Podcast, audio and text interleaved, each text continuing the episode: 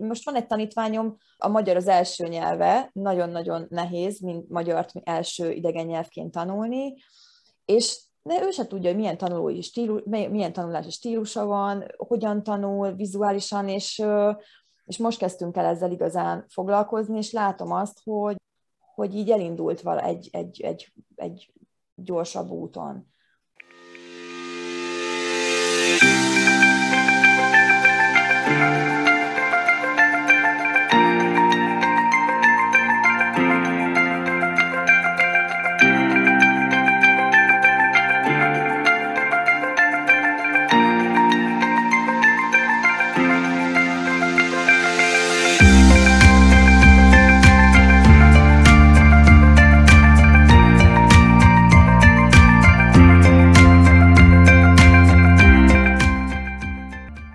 Sziasztok! Ez itt a Tudok Számlát adni podcast. Én Verka vagyok, német tanár. Én pedig Sziszi Magyar, mint idegen nyelvtanár. Mindketten magánvállalkozók vagyunk, és ezzel a podcasttal szeretnénk a tapasztalatainkkal és lelkileg is támogatni a kedves kollégákat. Ma egy nagyon különleges részünk van. Ez az első epizód, amikor meghívtunk valakit, és itt van velünk a stúdióban Réka, aki magyar, mint idegen nyelv, és német tanár, úgyhogy mindkettőnknek a területével foglalkozik, ezért különösen érdekes számunkra, és kicsit ki fogjuk kérdezni a, az ő útjáról, hogy hogy lett magánvállalkozó, miért ezt a pályát választotta, és még hasonló izgalmas témákról fogunk beszélgetni. Úgyhogy először is üdvözlünk itt Réka, és akkor Bemutatkoznál egy pár szóban, illetve elmesélnéd, hogy miért erre a pályára esett a választásod? Uh-huh. Sziasztok, szia Sziszi, szia Verka! Először is nagyon szépen köszönöm a meghívást. Nagyon izgatott vagyok, és remélem, hogy pár hasznos dolgot is majd tudok mondani nektek. Ahogy mondtad, igen, Sziszi, német és magyar mint nyelv tanári szakon végeztem az eltén 2014-ben, azt gondolom, hogy ez volt életem egyik legjobb döntése. Azóta sem bántam meg, hogy nyelvtanár lettem, és igazából a mindennapjaimat is végigkíséri. A tanárság, a választásnak a miértje, az sokunknak ismerős lehet. A nagyszüleim is, és anyukám is pedagógusok voltak, és számomra is elég hamar világossá vált, hogy tanítani szeretnék mindig is imádtam az idegen nyelveket, szerettem gyerekek társaságában lenni. A németet általános iskolában kezdtem el tanulni, utána pedig német nemzetiségi gimnáziumban folytattam. Ezt a nyelvet kiegészítve angollal és a spanyollal. Ha jól tudom, Sziszi, neked a spanyol szintén a szerelem nyelved, nekem mhm. szintén. Egy argentin sorozat miatt kezdtem el tanulni, egyedül, és ezzel egy időben fakultációként is elindult a gimiben, úgyhogy nem volt kérdés, hogy akkor ezzel is folytatom az inegen nyelvi tanulmányokat. Igen, és mivel szerelemnyelv volt, az egyetemen minor tantárgyként is tovább tanultam, eléggé nagy kihívás volt. Egy nagyon egyszerű, sima középfokú nyelvvizsgával rögtön spanyol gazdaságot, irodalmat tanulni. Először nem is vettek fel, úgyhogy második évben tudtam elkezdeni a spanyolt, de nem bántam meg. Sajnos ma már kevésbé beszélem, nem, nem igazán használom a mindennapokban, megértem, de a beszéd az most nem igazán megy.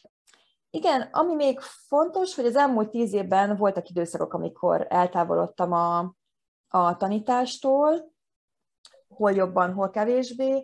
Azért magántanítás az mindig, mindig ott volt, illetve ami nekem még nagyon sokat számított, így a nyelvtanítás téren és tapasztalatként, hogy 2012 óta én minden nyáron egy gyereknyelvi táborban tanítottam, és német, mint, magyar, mint idegen nyelvet, és igen, erre vettem ki állandóan a szabadságomat, mert ez nekem feltöltődés volt, úgy éreztem, hogy, hogy én, én, én nyaralok. Balatonon volt egyébként ez a tábor, és okay. nagyon-nagyon szerettem. És akkor volt ilyen uh, rende, rendes, idézőjelben rendes ilyen irodai munkád, ami mellett csináltad ezt, vagy? Nem. Ja, ő, igen, tehát ő, irodai munka, igen, egy cégnél dolgoztam, és és volt, egy, egy év volt, amikor a 21 napban 20-at végig táboroztattam. Wow. Az, egy, az egy nagyon különleges év volt, és, és ezt nagyon-nagyon szerettem. Az egy rotari táborban is részt vettem kétszer egy hetet, ott cselediákokat fogadtunk, és nekik tanítottunk magyar, mint idegen nyelvet, a Fánszárban pedig németet és magyart is. Úgyhogy nekem ez a nyolc év nagyon meghatározó volt a táborral. Két évvel kiköltöztünk a párommal Franciaországba, ami miatt el is kezdtem tanulni a franciát, úgyhogy valahol a tanítványaimnak a szerepébe is csöppentem, mert én is nyelvtanulóvá váltam, ráadásul nem is egy könnyű nyelv tanulójává, úgyhogy nagyon-nagyon megértem most a diákjaimat, talán még jobban, most, hogy én is ugyanezen a folyamaton esem át, mint ők, illetve, hogy közeledjünk a magánvállalkozásnak a kezdetéhez, Ugye az elején a munkakeresés elég nehezen ment, mert nem beszéltem még jól a franciát, illetve egy Covid nevű járvány közbeszólt sajnos, és tavaly márciusban hatalmas elszántsággal és lelkesedéssel elkezdtem a magánvállalkozói pályafutásomat. Igen, tehát két éve igazából lelkes francia tanuló is vagyok. Na. És hogy tetszik egyébként a nyelvtanulás? Milyen érzése a másik oldalon lenni? Meg ez, ez hányadik nyelv most, amit beszélsz, vagy tanulsz? Hát ugye a negyedik, ötödik? Az öt, ötödik, de én most aktív nyelvnek abszolút az angol, németet, franciát mondanám. A spanyol az, az szeretném visszamenni, de egyszerűen nincs, nincs idő, de tudom, hogy ez a leges legrosszabb kifogás, de úgy érzem, hogy, hogy most muszáj a franciára koncentrálnom, mert mert te muszáj tehát, hogy mindent az orvos, az autószerelőnél, mindenhol franciául kell helytállni, úgyhogy muszáj egyszerűen különböző szókincsben fejlődnöm. Igen, ezt hallottam, hogy Francia, Franciaországban, vagy hát így a franciák lehet, hogy ez sztereotípia, de hogy nem nagyon szeretnek megszólalni angolul, nem. más nem. nyelven, meg hogy úgy szeretik, vagy hát kvázi elvárják, ezt, ezt is hallottam, hogy hogy aki oda megy, vagy ott él, az, az tanulja meg a nyelvet, vagy legalább Igen. tudja használni. Igen. Nekünk annyi a szerencsénk, hogy Dél-Franciaországban vagyunk, és ez eléggé inkább turista övezet, nagyon sok a turista, és ezért a legtöbben beszélnek angolul, nem jól, de megértjük, és ők is megértenek, és nagyon mindenkitől szinte megkérdeztem, hogy ez miért alakult ki ez a sztereotípia, hogy, hogy ők csak franciául hajlandóak beszélni, és mondták, hogy nagyon-nagyon rossz az angol oktatás, a nyelvoktatás Franciaországban, és egyszerűen nincs önbizalmuk megszólalni más idegen nyelven. Mm. Nagyon-nagyon kevés volt ez a francia, akiknél azt éreztük, hogy, hogy szívesen beszélnek angolul, és úgy magasabb szinten esetleg. Mm, ez érdekes. Érdekes tényleg. Én általában azt hallottam, ez így sokkal kedvesebben hangzik, ahogy te mondtad. Az én fejemben ez mindig úgy volt, hogy, hogy hát azért nem hajlandóak megszólalni, mert a, nem tudom, a francia nyelv szebb, vagy mindenki beszéljen franciául, hogy képzeljük, hogy mi nem beszélünk. De ha már eljutottunk odáig, hogy akkor most már magánvállalkozó vagy. Uh-huh. Én, arra vagyok kíváncsi, hogy neked ez hogy alakult ki. Ez egy nagyon hosszú folyamat volt, vagy volt egy konkrét pillanat, mikor úgy érezted, hogy most már váltanál, vagy uh-huh. sokáig tervezted, hogy hogy csináltad? Igen, igazából ugye én tavaly márciusban lettem magánvállalkozó Franciaországban. Azért volt stresszes folyamat, mert mindent franciául kellett intéznem, és ez az adózás, magánvállalkozóvá válni, nekem még Magyarországon is nehezen ment volna, megérteni a folyamatot, a, hogy hogy adózom, hova kell bejelentkeznem. Hát érezzük, azt hiszem. Igen, ez valószínűleg mindenkinek ismerős, és akkor Franciaországban azt viszont az is egy általános sztereotípia, és ezt a franciák is azt mondják, hogy ez így van, hogy az adminisztráció az borzalmas, a bürokrácia az egy káosz, a francia tanárom szintén ezt mondja, hogy nagyon-nagyon nehéz ügyeket intézni, ezt én is tapasztaltam, de megnyugtató, hogy akkor nem csak a francia nyelv volt ennek a gátja. Úgyhogy ez volt stresszes, de végül szép lassan eljutottam odáig, hogy hivatalosan magánvállalkozó lettem, próbáltam abszolút a pozitív oldalára fókuszálni, és nem pedig ugye arra az oldalra, ami szerintem a legtöbbünket érint, ugye a bizonytalanság, a kiszámíthatatlanság, hogy eddig ugye fix munkaidőnk volt, mettől meddig, fix munkabér, szabadság, fizetett szabadság, és ez mind-mind ugye megszűnik a magánvállalkozói léttel, és ezekre igyekeztem nem koncentrálni. Talán egyébként a szabadság érzése volt a legfelemelőbb ebben, hogy kötetlen lett a munkaidőm. Igen, talán még azzal zárnám azt, hogy milyen érzés volt magánvállalkozóvá válni, hogy én abszolút pozitívan éltem meg a változást, viszont tudom, hogy amúgy nagyon frusztráló tud lenni a bizonytalant, vagy a biztosat a bizonytalanra cserélni. Viszont tudom, hogy nagyon közhely, hogy ez a komfortzóna fogalom, de én mai napig hiszem, hogy ha, ezt a, ha a komfortzónánkat elhagyjuk, akkor ott történnek a csodák, és ez engem eddig mindig visszaigazolt, hogy ha egy kicsit merünk kockáztatni, és a határainkat feszegetni, akkor mindig valami, mindig valami jó jön. Úgyhogy abszolút megérte, és, és nem bántam meg, hogy már no. magánvállalkozó lettem. Jó hallani, hogy te is így érzed. Igen. Kicsit erről beszéltünk az előző részben is, nem Verka, hogy a pénz kapcsán is, hogy ott is bármikor nagyon féltünk attól, hogy, hogy emeljünk, vagy többet kérjünk, mindig az jött ki belőle, hogy az égvilágon semmi rossz nem fog történni, csak jó. És ez is, ez is egy óriási félelem általában magánvállalkozóknak, szerintem tanároknak főleg, de biztos másoknak is nehéz. És mi is erre jutottunk, hogy bármennyire féltünk ezt meglépni, akárhányszor megléptük, csak jól jöttünk ki belőle, semmi rossz nem történt az égvilágon. Úgyhogy igen, igen ezeket így jó. Teljesen tudok egyébként kapcsolódni ahhoz a, ahhoz a mondatodhoz, Réka, hogy hogyha kilépsz a komfortzónádból, vagy ha kockáztatsz, akkor biztos, hogy nem bánod meg. Hogy is van, amikor, amióta ezt teljes állásba csinálom, az, az egy olyan 8 hónap, 8-9 hónapja van uh-huh. kb és úristen, hát annyira féltem, én mindentől féltem, hogy nincs fizetett szabi, hogy mi van, ha lerobbanok, és nem tudok dolgozni, és nincs fizetésem, nincs bevételem, stb. stb. Soha semmi ilyesmi nem problémám nem volt, és én is annyira élvezem, és most a bürokrácia pont mielőtt elkezdtük fölvenni ezt a podcastot, Ciszinek mondtam, hogy a könyvelemtől kaptam egy e-mailt, és ő, a felét nem értem, mert hogy mindenféle évelei befizetés, adó, meg mit tudom én, milyen szám, ne, kiegyenítetlen számlák, vagy izé, és hogy ettől egyébként én is a falra mászom, mert nem értem, és nem vagyok, egyáltalán nem vagyok jó ebben, hogy így uh-huh. ezeket, ezeket így vezessem, de még, még ennek ellenére is tényleg tökre megéri, mert amit mondtál, hogy, hogy rugalmas időbeosztás, uh-huh. egyszerűen ez nekem minden, mindent megér, hogy uh-huh. akkor dolgozom, amikor én akarok igazából. Uh-huh. Hogy nem teljesen igaz, de, de azért megmondhatom. Te tudod alakítani a napjaidat. Igen, igen, uh-huh. igen. Jobban. És nálad hogy néz ki egyébként, Réka, egy nap, vagy hogy, hogy alakítottad ki a munkarended, mert az, az tényleg egyrésztről nagyon jó, hogy ez rugalmas, másrésztről meg néha nehéz uh-huh. az, hogy ne az legyen, hogy össze-vissza egy nap reggel is, délután is, este is vannak tanítványok, hanem ezért legyen valami értelmes munkarendünk nekünk is. Ezt te hogy csináltad magadnak? Igen.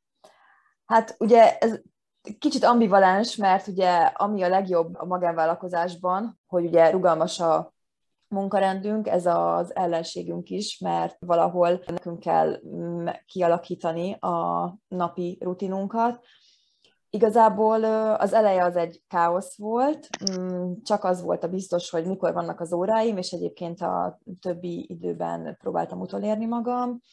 Utána viszont igyekeztem szokásokat kialakítani, a James Clear-től egyébként az Atomic habits csak most kezdtem el olvasni, sajnálom, hogy nem egy évvel korábban, mert sokat segített volna, és ezek a szokások egyébként nagyon sokat segítenek, tehát általában délután és este vannak óráim.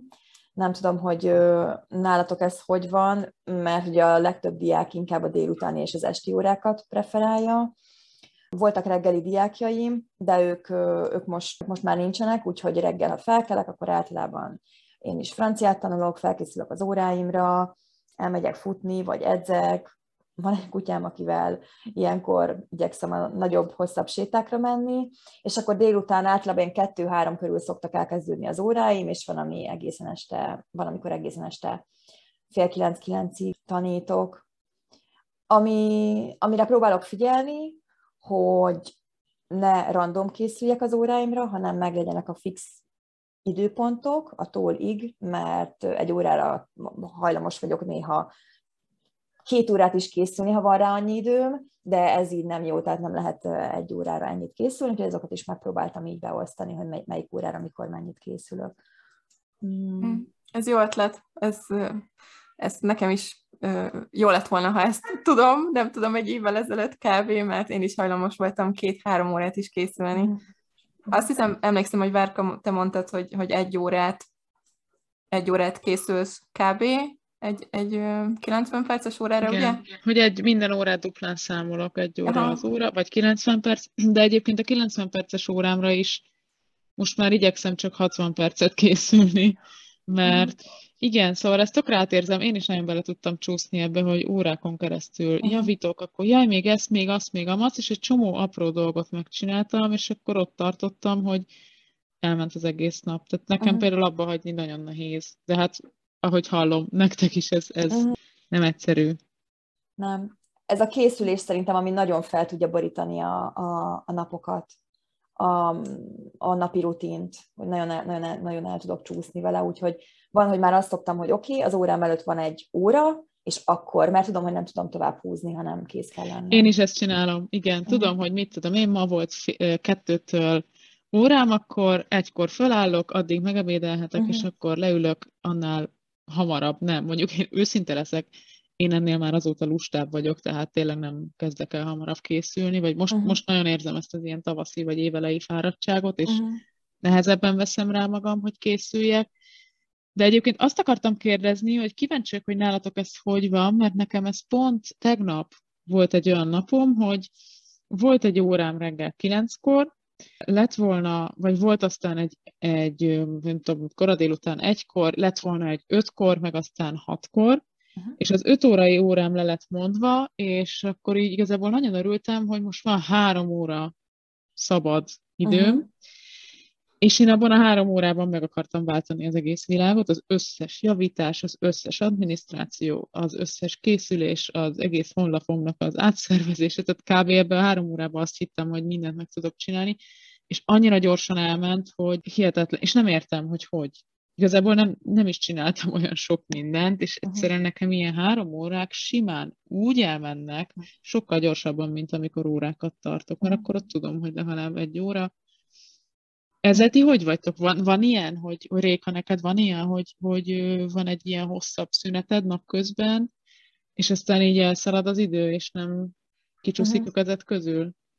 Igen, van, ez főleg akkor fordul elő, amikor az utolsó pillanatban lemondják az órámat, amit nagyon nem szeretek, főleg amikor vannak, va, vannak olyan indokok, amire abszolút mondom, hogy persze, semmi gond, és, és ennyi, de azért kapok olyan üzeneteket, hogy most álmos vagyok, és, és hát nyilván az ember szintén álmos, de nem mondom le az órámat ezért. Olyankor ugye felszabadul mondjuk két órán, mert ugye a készülés plusz, a, plusz az óra, és ezek tényleg nagyon-nagyon gyorsan eltelnek. Tehát mindig próbálom, hogy na, akkor viszont most akkor valami hasznosat csináljak, mondjuk fölkészülök egy másnapi órámra, viszont pipak elmegy, kicsit hosszabb mm. időre megyek lesétálni a, a kutyussal, pakolászom, egy teregetés, mosás, és, és, és a következő óra. Igen, igen.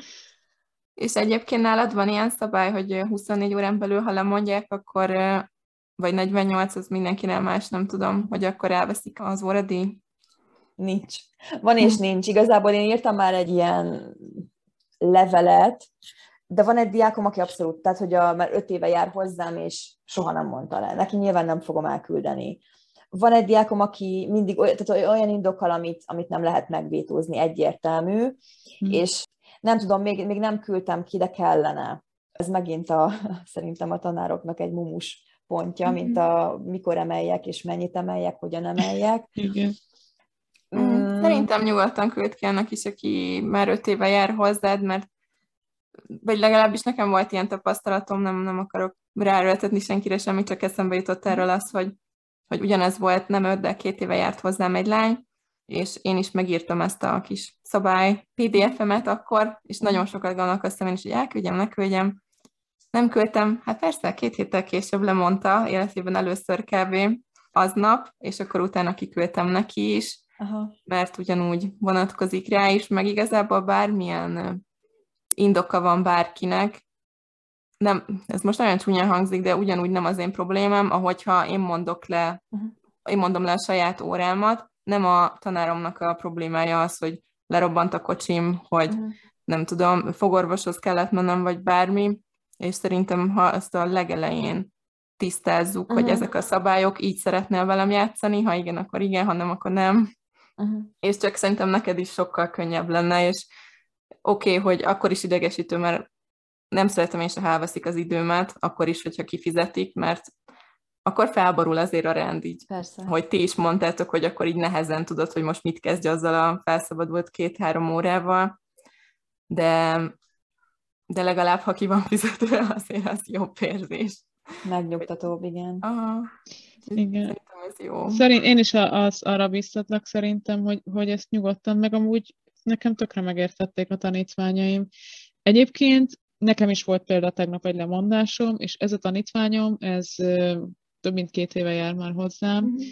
és úgy mondta le, hogy az nap, napköz, tehát már reggel nem érezte egészen jól magát, és akkor napközben egyre rosszabb lett. Na most én nála például nálam előre fizetnek, és azt lejárják, tehát én például tegnapit azt nem vontam le, vagy nem mm. jelöltem, nem x be a kis jelenléti éven, mert én is ilyen szempontból úgy vagyok, hogy, hogy tudom, hogy ebben a tanítványomban megbízhatok, ő uh-huh. mindig rendesen fizet, egyébként egyszer sem mondta le az óráját, úgyhogy izé, tehát hogy tényleg én azt gondolom, hogy lehet ebben rugalmasnak lenni, uh-huh. te tudod, hogy melyik tanítványod az, aki, akiben bízhatsz ilyen uh-huh. szempontból, hogy valószínűleg ez nagyon-nagyon ritkán fordul elő, hogy ilyen utolsó pillanat. Meg én mondjuk azt szoktam csinálni, hogy hogy egy esélyt mindenkinek adok, mert lehet, hogy tényleg valami történt és elfelejtett esíteni, de hogyha mondjuk másodszor előfordul, akkor már mondom, hogy jó, de amúgy azért ez a 24 órás szabály, ez, ez rád is vonatkozik. Nyilván vannak olyan helyzetek, amit tényleg nem tudhatott előre, de azért olyan nagyon ritkán van egyébként. De ez, hogy álmos vagyok, hát ez nem mondjuk majdnem felröhögtem őszintén. És tényleg, tényleg. nem tudom, szerint nekem túl cukik vagytok, én nem bízok senkibe, és nem érdekel senkinek a problémája. De most elrontottam a héten egyébként, szóval nem, nem akarok ilyen nagyon tökéletesnek hangzani. Elfelejtettem teljesen elküldeni ezt egy, egy új diáknak. Öt órát fizetett csak be, egy ilyen 5 órás, 5 hetes mhm. kurzusra, és meg volt négy, és már így kicsit vártam, mert hogy legyen vége, tegnap lett volna az ötödik, mert nagyon kezdő, és egy órát végig kell beszélgetnünk, úgyhogy ez kicsit nehéz nekem. Uh-huh.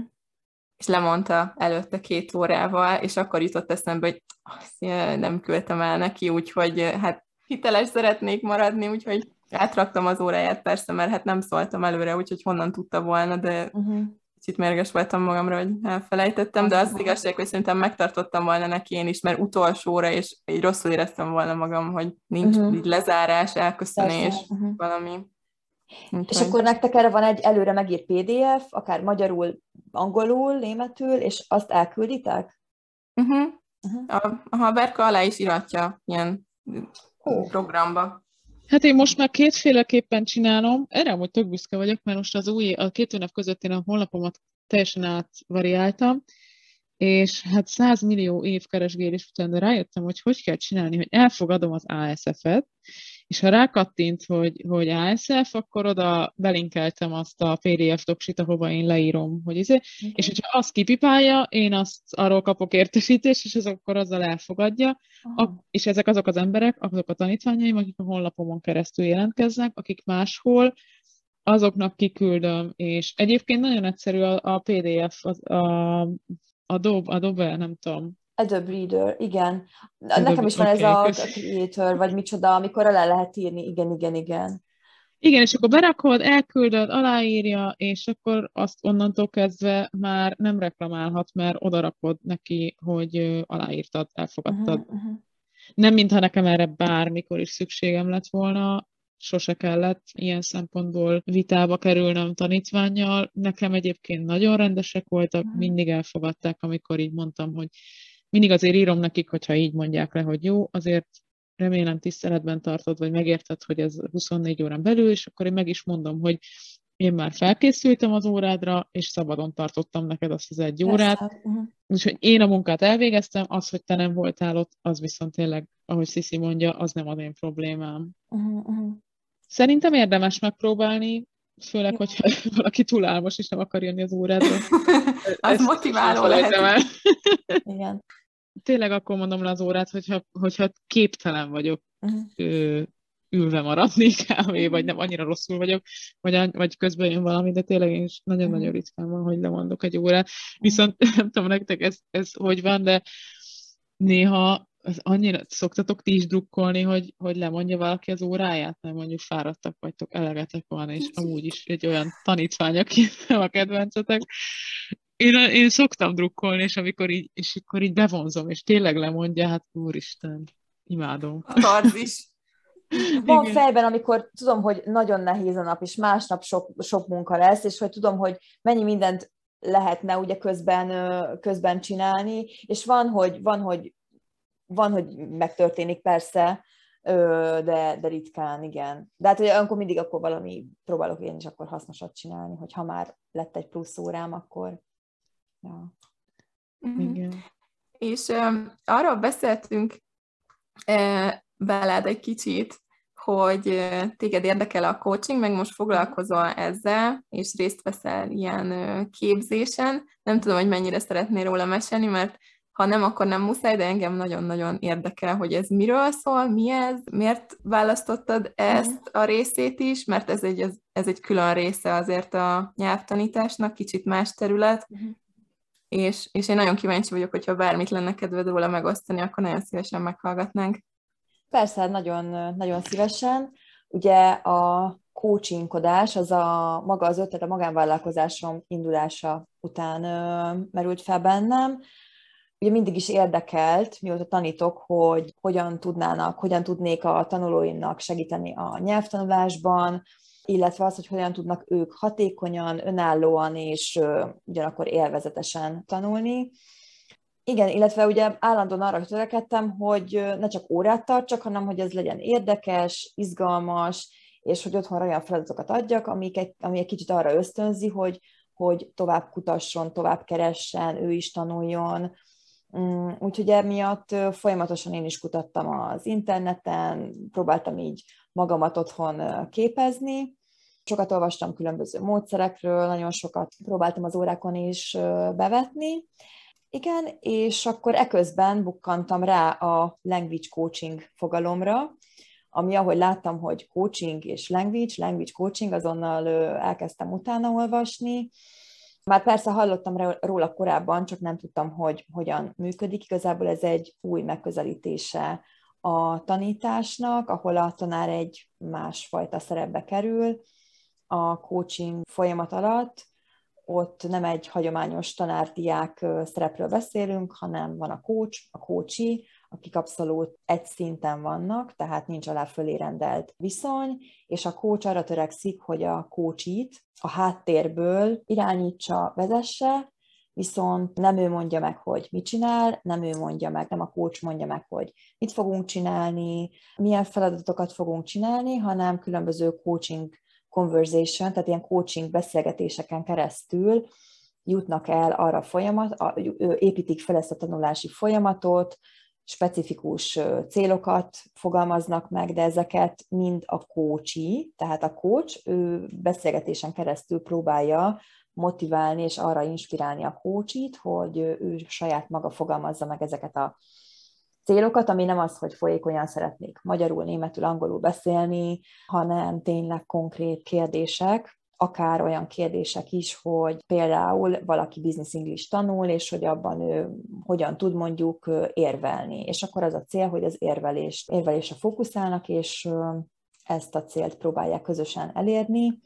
Annyi minden beindult bennem, ahogy ezt így mesélted, hogy mi, mi a feladata egy coachnak, mert közben arra gondoltam, hogy mennyire jó lenne, ha ez is a része lenne mondjuk az egyetemi tanári képzésnek, és hogy milyen érdekes, hogy ez két külön szakma, és valahogy talán egybe kéne mosni, ahogy, ahogy mondtad, hogy, hogy, hogy nem teljesen olyan a feladatköre, mint egy tanárnak, vagy más pozícióban vagy coachként, és hogy tanárként máshogy állunk hozzá a ilyen tanárdiák kapcsolathoz, és, és ez csak teljesen így nem tudom, valamit felrobbant az agyamban, hogy úristen, ez miért nincs egyben, ez tök jó lenne összemosni, együtt tanulni. Nagyon. Nem tudom erről mit gondolsz.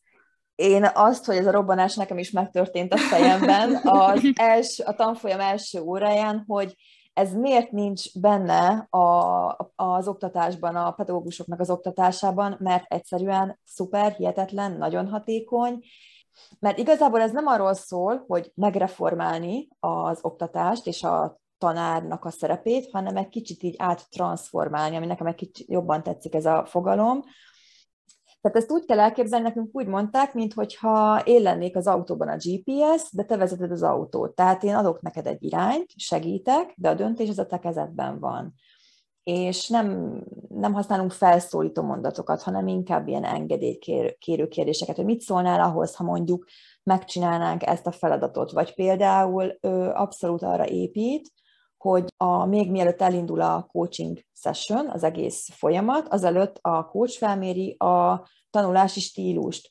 És mondta a oktatónk is, hogy nagyon sokan csodálkoznak azon, hogy miért kérdezik meg tőlük, hogy milyen a tanulási stílusa, hiszen soha senki nem kérdezte meg, pedig ez egy nagyon alapvető kérdés, mert hogyha nekem van egy olyan tanulóm, aki vizuális, akkor rögtön tudom, hogy milyen módszereket vigyek az órára, és nem fogok vele mindent leíratni, mert lehet, hogy mondjuk képek alapján tud tanulni. Tehát szerintem ez, ezt mindenképpen én is belefogom a óráimba integrálni, hogy az elején kitaláljuk, hogy mi a tanulási, milyen tanulási stílusa van a diáknak, és ez alapján felépíteni az órákat.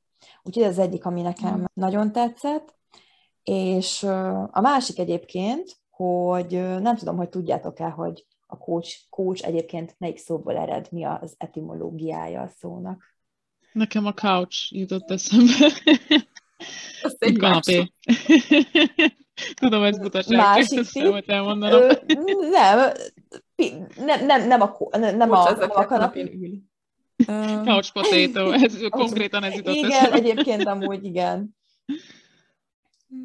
Nem, Tényleg? Nincs, nincs ötletem. E, nagyon jó volt, azzal, ezzel kezdtük ugye a tanfolyamot, és akkor mondták, hogy hát ez egy magyar szóból ered, a kocsi szóból, ugyanis ugye a kocsi is átvitt A-ból B pontba az embereket, és egyébként Komárom megyében van egy Kocs nevű község, ahol ezeket a négykerekű, lófogatú kocsikat állították elő, és ennek utána olvastam, ezért tudom ennyire pontosan, hogy a 16. században terjedt el egyébként Európában, ugye ez a szó, és ennek köszönhetjük, ugye, hogy sok európai nyelvben megjelent ez a szó, ugye, mint a németben a kucse, akkor ugye a spanyolban az el kucse, illetve más egyéb európai nyelvekben. Ez és nagyon akkor... brutál. Bocsi, nem hittem már, rákerestem, igaza van. Én is rákerestem, és... ja, zseniális, hát hihetetlen. Igen. Figyelek, ne haragudj. Ráadásul úgy mentem erre a tanfolyamra, hogy ezt már valaki nekem mondta, és úgy örültem neki, hogy így, mint magyarként rögtön tudtam jelentkezni, hogy, hogy igen, tudom, hogy ez a mi nyelvünkből e- ered, és nagyon tetszik a párhuzam, mert valahol mi is kocsik vagyunk, tehát segítjük a tanulót elvinni A pontból B pontba, tehát, hogy a nyelvi, van egy nyelvi szinten, oda hív minket, és akkor segítünk neki egy magasabb szintre eljutni, nevezhetjük ezt A2, B1, B2, C2 szintnek, de nekem nagyon tetszik ez a párhuzam. Ez nagyon cuki. Mostantól egy kocsiként fogok magamra gondolni. Igen, egy hát ilyen kis vagy, matchbox vagyok. egy matchbox. Igen, mert szerintem, hogyha a tehát ha próbálunk ilyen kis történeteket belevinni a tanításba, szerintem az nagyon sokat tud segíteni a, a diákoknak, és egyébként én még nem kócskodom, de abszolút észrevettem már az óráimon, hogy, hogy valahol elkezdtem áttransformálódni, hogyha használhatom ezt a fogalmat. Nagyon fontos skill, készség a, a kócsoknál, hogy aktívan figyeljünk. Tehát az aktív ö, odafigyelés az nagyon-nagyon fontos. Ez amúgy tényleg marha érdekes, és érthetetlen számomra, hogy jó, mondjuk valószínűleg ez a coach képzés, ez mint, mint maga, mint ágazat, vagy a, a, nem tudom, így a pedagógiának egy ágazata, talán ha lehet nevezni, ez egy nagyon fiatal dolog. és valószínűleg lehet, hogy ezért nincs összefonódva a pedagógus képzéssel, de érthetetlen, hogy a mai világban ez, hogy erről szó sem esik. Nekem az öcsém egyébként tanárszakon, tanárszakra jár az eltén, meg fogom tőle kérdezni, de hát gyanítom, hogy nem sok mindent, nem sok szó esett még erről. Hogy sok mindent változott, de ez, ez a gondolat, ez most engem nagyon kiakasztott, hogy hogy mennyire sok szó van a módszertanról, hogy hogy tanítsunk, és semmi nincs arról, hogy kérdezzük meg, hogy hogy szeretne tanulni, Igen. vagy hogy szeret tanulni, hanem így megvan az, hogy én hogy tanítok, és uh-huh. akkor kb. igazodik hozzá szerencsétlen. Ó, most sajnálom az összes tanítványomat így visszamenőleg. Egyébként ezzel is gondolkoztam, hogy eszünk, nekem se jutott eszembe, mert, kér, mert mindig mondom, hogy mondjon témát, ami érdekli, de én így tanulom a szavakat, elmondom, hogy tessék, ez egy jó módszer. És nem biztos, hogy aki, most van egy tanítványom, a magyar az első nyelve, nagyon-nagyon nehéz, mint magyart első idegen nyelvként tanulni, és de ő se tudja, hogy milyen, tanulói stílus, milyen tanulási stílusa van, hogyan tanul vizuálisan, és, és most kezdtünk el ezzel igazán foglalkozni, és látom azt, hogy, hogy így elindult vala egy, egy, egy, egy gyorsabb úton. Úgyhogy nagyon, nagyon fontos szerintem, illetve ami tetszik még ebben a megközelítésben, hogy nagyon megoldás és eredményorientált. Tehát nagyon fontosak ugye a célkitűzések, és hogy arra a célra koncentrál, nem arra, hogy kapkodjunk innen, oda, onnan, ide, és akkor mindent egyben, hanem, hanem bizonyos célokra fókuszálunk, és azt is úgy, hogy nem én mondom meg, hanem egy szintfelmérő után mi közösen összeírunk mondjuk 6-7 pár gólt, célt, és, és akkor ő kiválaszt, hogy mi az, amiért ő, ami, ami őt jobban érdekli, ami mondjuk prioritást élvez, és akkor arra koncentrálunk. Ez tök jó, jól hangzik meg. Igen. Az is eszembe jutott, hogy szerintem diákként is, tanulóként is valahogy arra vagyunk kondicionálva, hogy majd a tanár tudja. Nekem mindig volt kicsit ilyen érzésem, mikor mm. órára jöttek, hogy jó, hát én mondjam meg, hogy mit csináljunk, és, és ez ilyen ördögi kör, hogy ők mm. ezt gondolták, én is azt, hogy nekem kell kitalálni mindent. Nyilván azért kérdeztem dolgokat, de hogy i- ilyen rendszerben, ahogy mm. mesélsz róla, soha nem is jutott eszembe, hogy, hogy, hogy kéne, és hogyha próbáltam együtt kitalálni velük dolgokat, mm. akkor is mindig, mindig inkább azt akarták, hogy én mondjam meg, és, és nemrég kezdtem el hajlani én is afelé, hogy, hogy, hogy én csinálok sokféle dolgot, megmutatok sokféle módot, meg módszert, de hogy neked ki kell próbálni, a te energiát kell bele, hogy kipróbáld, és neked kell kitalálni, hogy mi az, ami a legjobban uh-huh. tetszik, hogy a legjobban megjegyzed, és valahogy, valahogy ezt se tanuljuk nagyon iskolában, szerintem, hogy hogy kell jól tanulni, csak, uh-huh. csak megmondják, hogy mit kell megtanulni. Igen, nem? igen. Igen, én is, én is ezt éreztem. Meg az előző kérdésedre visszatérve szerintem ez a coach szó, ez ma már nagyon egy ilyen trendi szóvá vált, és ezért nagyon mhm. sokan szkeptikusok, hogy ma már mindenki coach. Mit jelent, hogy coach? Mi az, ami nem, ami nem coach? Ki a coach? A coach az nem, tehát az, hogy language coach, az nem egy pszichológus, nem terapeuta, nem mentor, nem tanár, tehát valahol a, az egész fogalom lóg a levegőben, és lehet, hogy emiatt sok pedagógus is szkeptikus azzal, hogy most akkor mit csinál egy coach. Úgyhogy igen, érdekes ugye, hogy most tanár, coach a kettő között, ha lehetünk-e tanárok, ha már coachok vagyunk, és ugyanez fordítva, úgyhogy... Ez nagyon izgalmas. Igen. Engem is érdekel egyébként nagyon a coaching, és szeretnék foglalkozni vele majd a jövőben. Nem tudom mikor, majd ha lemondják az órámat abban a két órában, elkezdem. Egyébként én is tökre kedvet kaptam, Réka, olyan inspiráló, ahogy beszéltél erről, és hogy, hogy tanárként uh, tudod uh, ezt az egészet így ajánlani, meg igazából, ha jól értem, akkor ez ilyen tök szuperül kiegészíti az oktatást, vagy hogy mondjam, tehát a tanár létet. És, és most viccen kívül én is tökre kedvet kaptam hozzá, hogy ebbe uh-huh. jobban beleássam magam, mert uh-huh. Mondjuk én azt veszem észre, hogy van egy-két tanítványom, akik így határozott elképzeléssel jönnek, hogy ők nekik milyen jellegű uh-huh. órát ö, szeretnének uh-huh. tartani. Én meg szoktam amúgy kérdezni általában, de nekem a legtöbb tanítványom úgy jön, hogy, hogy ő rám bízza, én vagyok a tanár, én mondjam meg, uh-huh. hogy hogy legyen. És neki mindegy, milyen tananyaggal, milyen módszerekkel, mert hogy valószínűleg ehhez vannak szokva az emberek, Igen. hogy a tanár az ilyen frontálisan, ilyen, ilyen autoriter uh-huh. módszerrel ő irányít, te Falt meg figyelsz és uh-huh. tanulsz, és vagy a hallgató. Igen. Igen, igen. Igen, valószínűleg egyébként ez a berögzült kép van mindenkiben, hogy jövök, te adod az anyagot, megtanulom, házi feladat jövök, nehéz ettől elvonatkoztatni, illetve lehet, hogy van akinek nem mondanám, hogy nem való a, language coaching kodás, de lehet, hogy valaki jobban preferálja, mert én például van, aki nem szereti a tankönyveket, én szeretem a nyelvkönyvet. Én nekem az ad egy, egy irányvonalat, hogy melyik nyelvtan jön miután, begyakorlom, és nyilván nem csak nyelvkönyvet, de én, én szeretem, sokan nem. Uh-huh. Ez is például igen, ilyen tök megosztó dolog, hogy valaki szereti. Uh-huh. Én például nem annyira, mármint, hogy ez nem igaz, mert szeretem a nyelvkönyveket, csak nem szeretek egy nyelvkönyv, nyelvkönyv mentén végig haladni. Uh-huh mindig így többet használok inkább egyszerre, és ez is tökre, tökre értem azt, aki, aki inkább egy könyvön szeret végigmenni, nyilván kiegészítő anyagokkal, stb.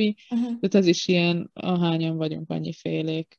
És tök jó, hogy a coaching, ez a language coaching, meg ezt még így talán így alá is támasztja, hogy, uh-huh.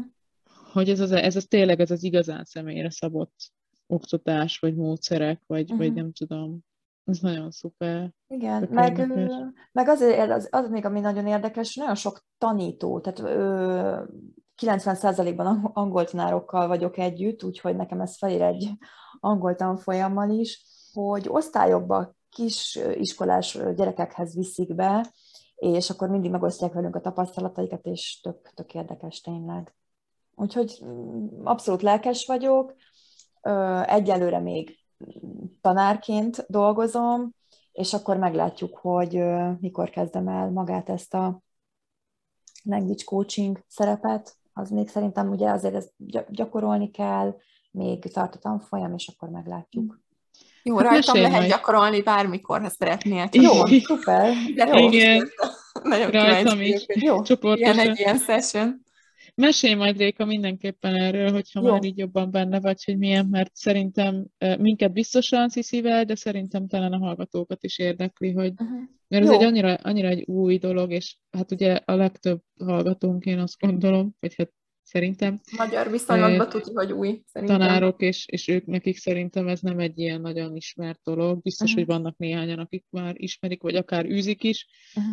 de, de szerintem ez abszolút egy új uh-huh. új dolog, és, és, és nagyon szuper, hogy hát nekem annyira megmelengeti a szívemet, hogyha valaki az oktatást akarja jobbá tenni, mert nem tudom, én, én lehet, hogy egy kicsit már ilyen nagyon borulátó vagyok, de a magyar oktatási rendszer az, az, az, az katasztrófa, Igen. és olyan jó látni, amikor valaki ilyen szuper dolgot csinál, és mégis oktatásban marad, jó, nem a magyar rendszerben, a magyar állami rendszerben, mert abban nem lehet szerintem kb. Megmaradni, de, de hogy valahogy én ugye ezt szoktam meg, hogy a, hogy a magyar tanárok ki vannak égve. A Magyarországon élő és dolgozó tanárok kb. mind ki vannak égve, és olyan jó látni, hogy, hogy vannak, akik nem, és ezt imádják, és, és újabb és újabb dolgokat tanulnak, és hát én nagyon remélem, hogy egyszer talán egy kicsit ez megváltozik uh-huh. itt a magyar állami rendszerben, mert nem, nincs más esélyünk. Igen. Az olyan jó, hogy magánvállalkozóként tudjuk csinálni azt, amit szeretünk a hát mindennapi kiégésnek, hogy nyilván itt is vannak nehezebb periódusok, de azért szerintem sokkal, sokkal kevésbé uh-huh. megterhelő nagyon sok része, meg tényleg azért úgy alakíthatod, ahogy szeretnéd, uh-huh. ha már begyakoroltad, hogy azt hogy kell csinálni. És, és én ezért, én azért nagyon hálás vagyok így az égnek, hogy, hogy jött ez a, vagy olyan helyzetben voltam, hogy megtehettem, hogy magánvállalkozó legyek, hogy ezt megpróbáljam, és hogy sikerült, mert én biztos, hogy nagyon szomorú lennék, hogyha egy iskolában kéne dolgoznom, legalábbis amit láttam, az nem tetszett belőle, hogy működik. Én biztos vagyok benne, hogy nagyon elvágná a kreativitásomat, és nem hiszem, hogy ez vagy hát szerintem ez, ez tényleg így van, hát rengeteg helyről olvasom, én Facebookos csoportokban benne vagyok, nagyon sok tanáros mm. csoportban, akik, akik teljesen ki vannak ettől, hogy mennyire kell követni a tantervet. Úgyhogy nekünk jó, szerintem, vagy jobb. Mm. És mi az, ami a legnagyobb kihívás neked a magánvállalkozásban? Tehát a legnagyobb kihívás az, az valahol a, maga a legnagyobb előnye is a magánvállalkozásnak. Ugye az, hogy hogyan osztom be az időmet, Tehát nagyon szeretem, hogy rugalmas vagyok, hogy, hogy az óráim körül tudom a többi teendőmet építeni, viszont nyilván ez egy nagyon tudatos napi rendet igényel, és az elején ugye nehéz volt ezt a time managementet úgy rendesen kialakítani. Szerintem ez, ez a legnagyobb kihívás, hogy tényleg tudatosan meglegyen, hogy mikor mit csinálok, mikor van a sport, hogy ez ne az legyen, hogy most nincs kedvem, és akkor elhalasztom, hanem, hanem meglegyen mindennek a maga ideje. Illetve, illetve meg talán még, amit ö, említettünk, hogy az utolsó pillanatban való óra lemondásokat egy kicsit jobban kezelni. Uh-huh. Hát azok mindig nehezek, még így is, hogy itt vannak a betonba vésett szabályaim, most rontottam el a héten, úgyhogy ez ilyen, ilyen De emberek vagyunk. Ja, igen. Hát igen. És ami nekem a legnagyobb kihívás, azt azért akarom elmesélni, hogy aztán megkérdezem, megkérdezzelek titeket, hogy ti mit csináltok vele, hogy én nagyon nehezen tudom rávenni magam, hogy elmenjek szabadságra, de csak azért, mert mm. magánvállalkozó vagyok, gondolom, remélem, hiszem, hogy nekem is jár, és, és nekünk is szükségünk van rá, hogy másoknak is, és nagyon nehéz úgy elmenni szabadságra, hogy tényleg egy hétig csak pihenek. Nem az van, hogy most nem tartok órákat, ezért előre készülök, vagy mm. kitalálok egy új kurzustervet, vagy instaposztot gyártok, vagy előre megcsinálok három podcastot, hanem egy hétig pihenek. Ilyen nem tudom, mikor volt utoljára, és nem tudom, hogy hova és hogy kell beiktatni. Remélem sikerül négy hét múlvára tervezek egyet, de nagyon-nagyon félek. Tehát én ennyire semmitől nem félek, mint elmenni szabadságra. Réka, te hogy vagy ezzel? Igen, kérdezzük Rékát először. Ö, mm, igazából nekem ez most úgy alakult ki, hogy nyáron megyek szabadságra, tehát úgy megyek szabadságra, nyáron az nagyon sokan szintén a tanítványaim közül szabadságra mennek, mi is megyünk, és így valahogy így a kettő együtt adta magát, hogy akkor ott pár hétig nem tanítok, illetve karácsonykor, mert szintén ilyen december elején mindenki ugye karácsonyi szünetre megy, és általában a decemberből két-három hét az mindig egy kicsit nyugisabb, úgyhogy nekem a december meg a nyár az, ami, ami inkább a szabadságról szól, Évközben nem nagyon szoktam. Maximum annyi, annyira, hogy hazautazom pár napra, elutazunk egy hosszú hétvégére, de mm, több hétre nem szoktam elmenni így évközben. Uh-huh. És akkor, amikor vannak ezek a nyári megtéri szabadságaid, akkor nem készülsz semmit, akkor tényleg csak szabadságon vagy? Igen, mert akkor nem vagyunk itthon. Igen, tehát ja. akkor tényleg szabadság van, akkor, akkor, akkor elutazunk, és akkor nem is, nem is tudnék készülni. Egyébként még az előző dologra reagálva, hogy igen, és nekem nagyon nehéz megállni, hogy például ne válaszoljak üzenetre hétvégén, este. Tehát arra is kellene egy ilyen időintervallum, hogy akkor mettől meddig válaszolunk, és hogy a hétvége az hétvége, igen. Igen, ezzel én is küzdök egyébként. Főleg, ha egy új jelentkező, tanítvány jelentkező jön, akkor úgy érzem, hogy ha nem reagálok neki azonnal, akkor biztos el fogom veszíteni, és ilyen uh-huh most ez pont a hétvégén volt, hogy szombat este írt egy lány, és akkor azt éreztem, már vasárnap úgy voltam, hogy jó, majd reagálok hétfőn, de vasárnap délután válaszoltam, addig bírtam, uh-huh. mert addig annyit pörögtem ezen, hogy úristen, el fog menni, és uh-huh. mert most pont az van, hogy én, én két lánynak, akivel együtt dolgozom, nekik próbálok ezerrel tanítványokat hajkurászni, és akkor így, ha jelentkezik valaki, akkor én ilyen teljes izébe vagyok, extázisba, uh-huh. hogy jött valaki, és a honlapon keresztül, és hogy mit tudom én. Ezzel én is küzdök nagyon. Meg egyébként a Szabival kapcsolatban teljesen átérzem Réka, mert Sziszi ebben szerintem ügyesebb. Én úgy megyek Szabira, hogy a tanítványaim uh-huh. irányítják igazából. Ha ők lemondják az óráikat, jellemzően nekem is nyáron vagy karácsony környékén, uh-huh.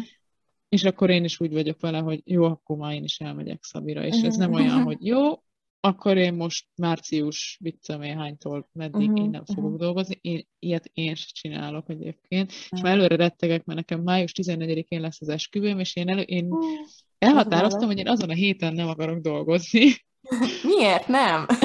és nem tudom, én már most ezen parázok, hogy hogy fogom ezt megoldani, meg nekem vannak azért a Goethe intézetnél tanfolyamjaim, amiket uh-huh. nem tudok meghatározni, hogy, uh-huh. hogy hogy vannak, és, és azt full izé, vizsgázási időszak ráadásul, érettségi, uh-huh. és én akkor nem akarok dolgozni, és már nem vagyok benne biztos, hogy sikerülni fog, hogy tényleg egyetlen egy darab órát se fogok, fogok Aha. megtartani. Jaj, ne dolgozz. Én mindig, engem annyira boldogát tesz, ha valaki szabadságon van, vagy nem dolgozik. Én úgy örülök, ha valaki meg tudja csinálni. Azt érzem, hogy helyettem is megcsinálja. Én nem tudom, miből gondolsz, hogy ügyes vagyok benne. Én nem tudom, mikor voltam utoljára szabadságon, úgyhogy nem csináltam semmit, mert nekem mindig ez a szabadság, hogy jaj, nem tartok órákat, csak a 15 másik munkakörön megcsinálom, azt szerintem nem szabadság. Igen.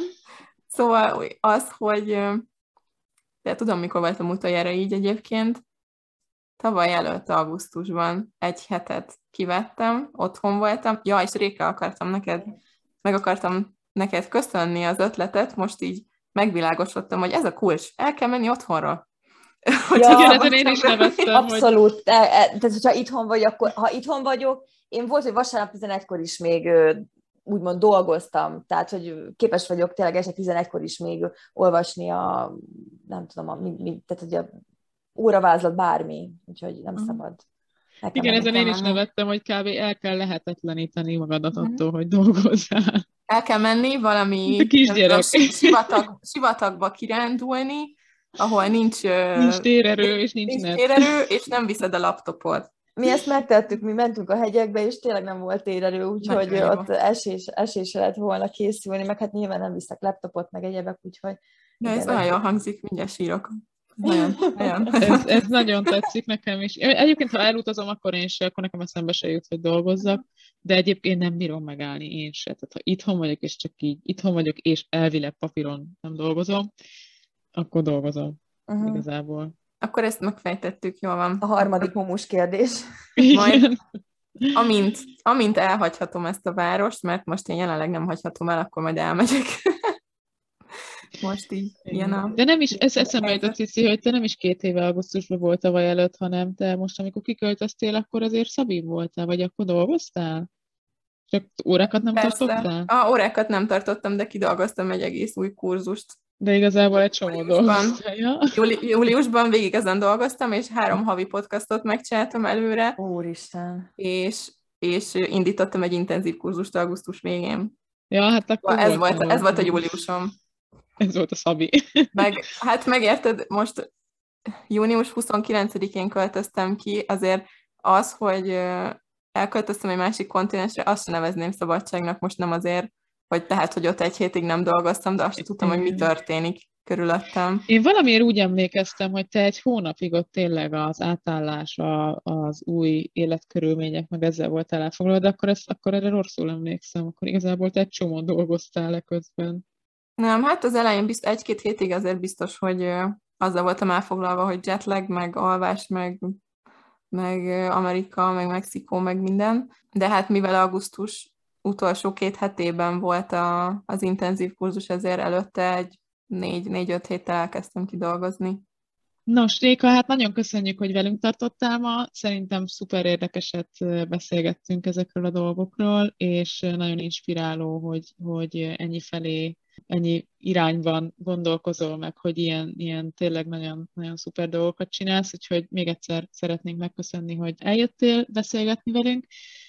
Ha esetleg érdekel titeket Réka munkássága, vagy szeretnétek tőle bármit kérdezni, akkor Instagramon a Languages with Réka névet megtaláljátok, a szóközök helyett alulvonással, de szerintem meg fogjátok találni. Köszönöm szépen, és tényleg köszönöm szépen még egyszer a meghívást. Mi is köszönjük, hogy itt voltál. Következő részben találkozunk. Sziasztok! Sziasztok! Sziasztok.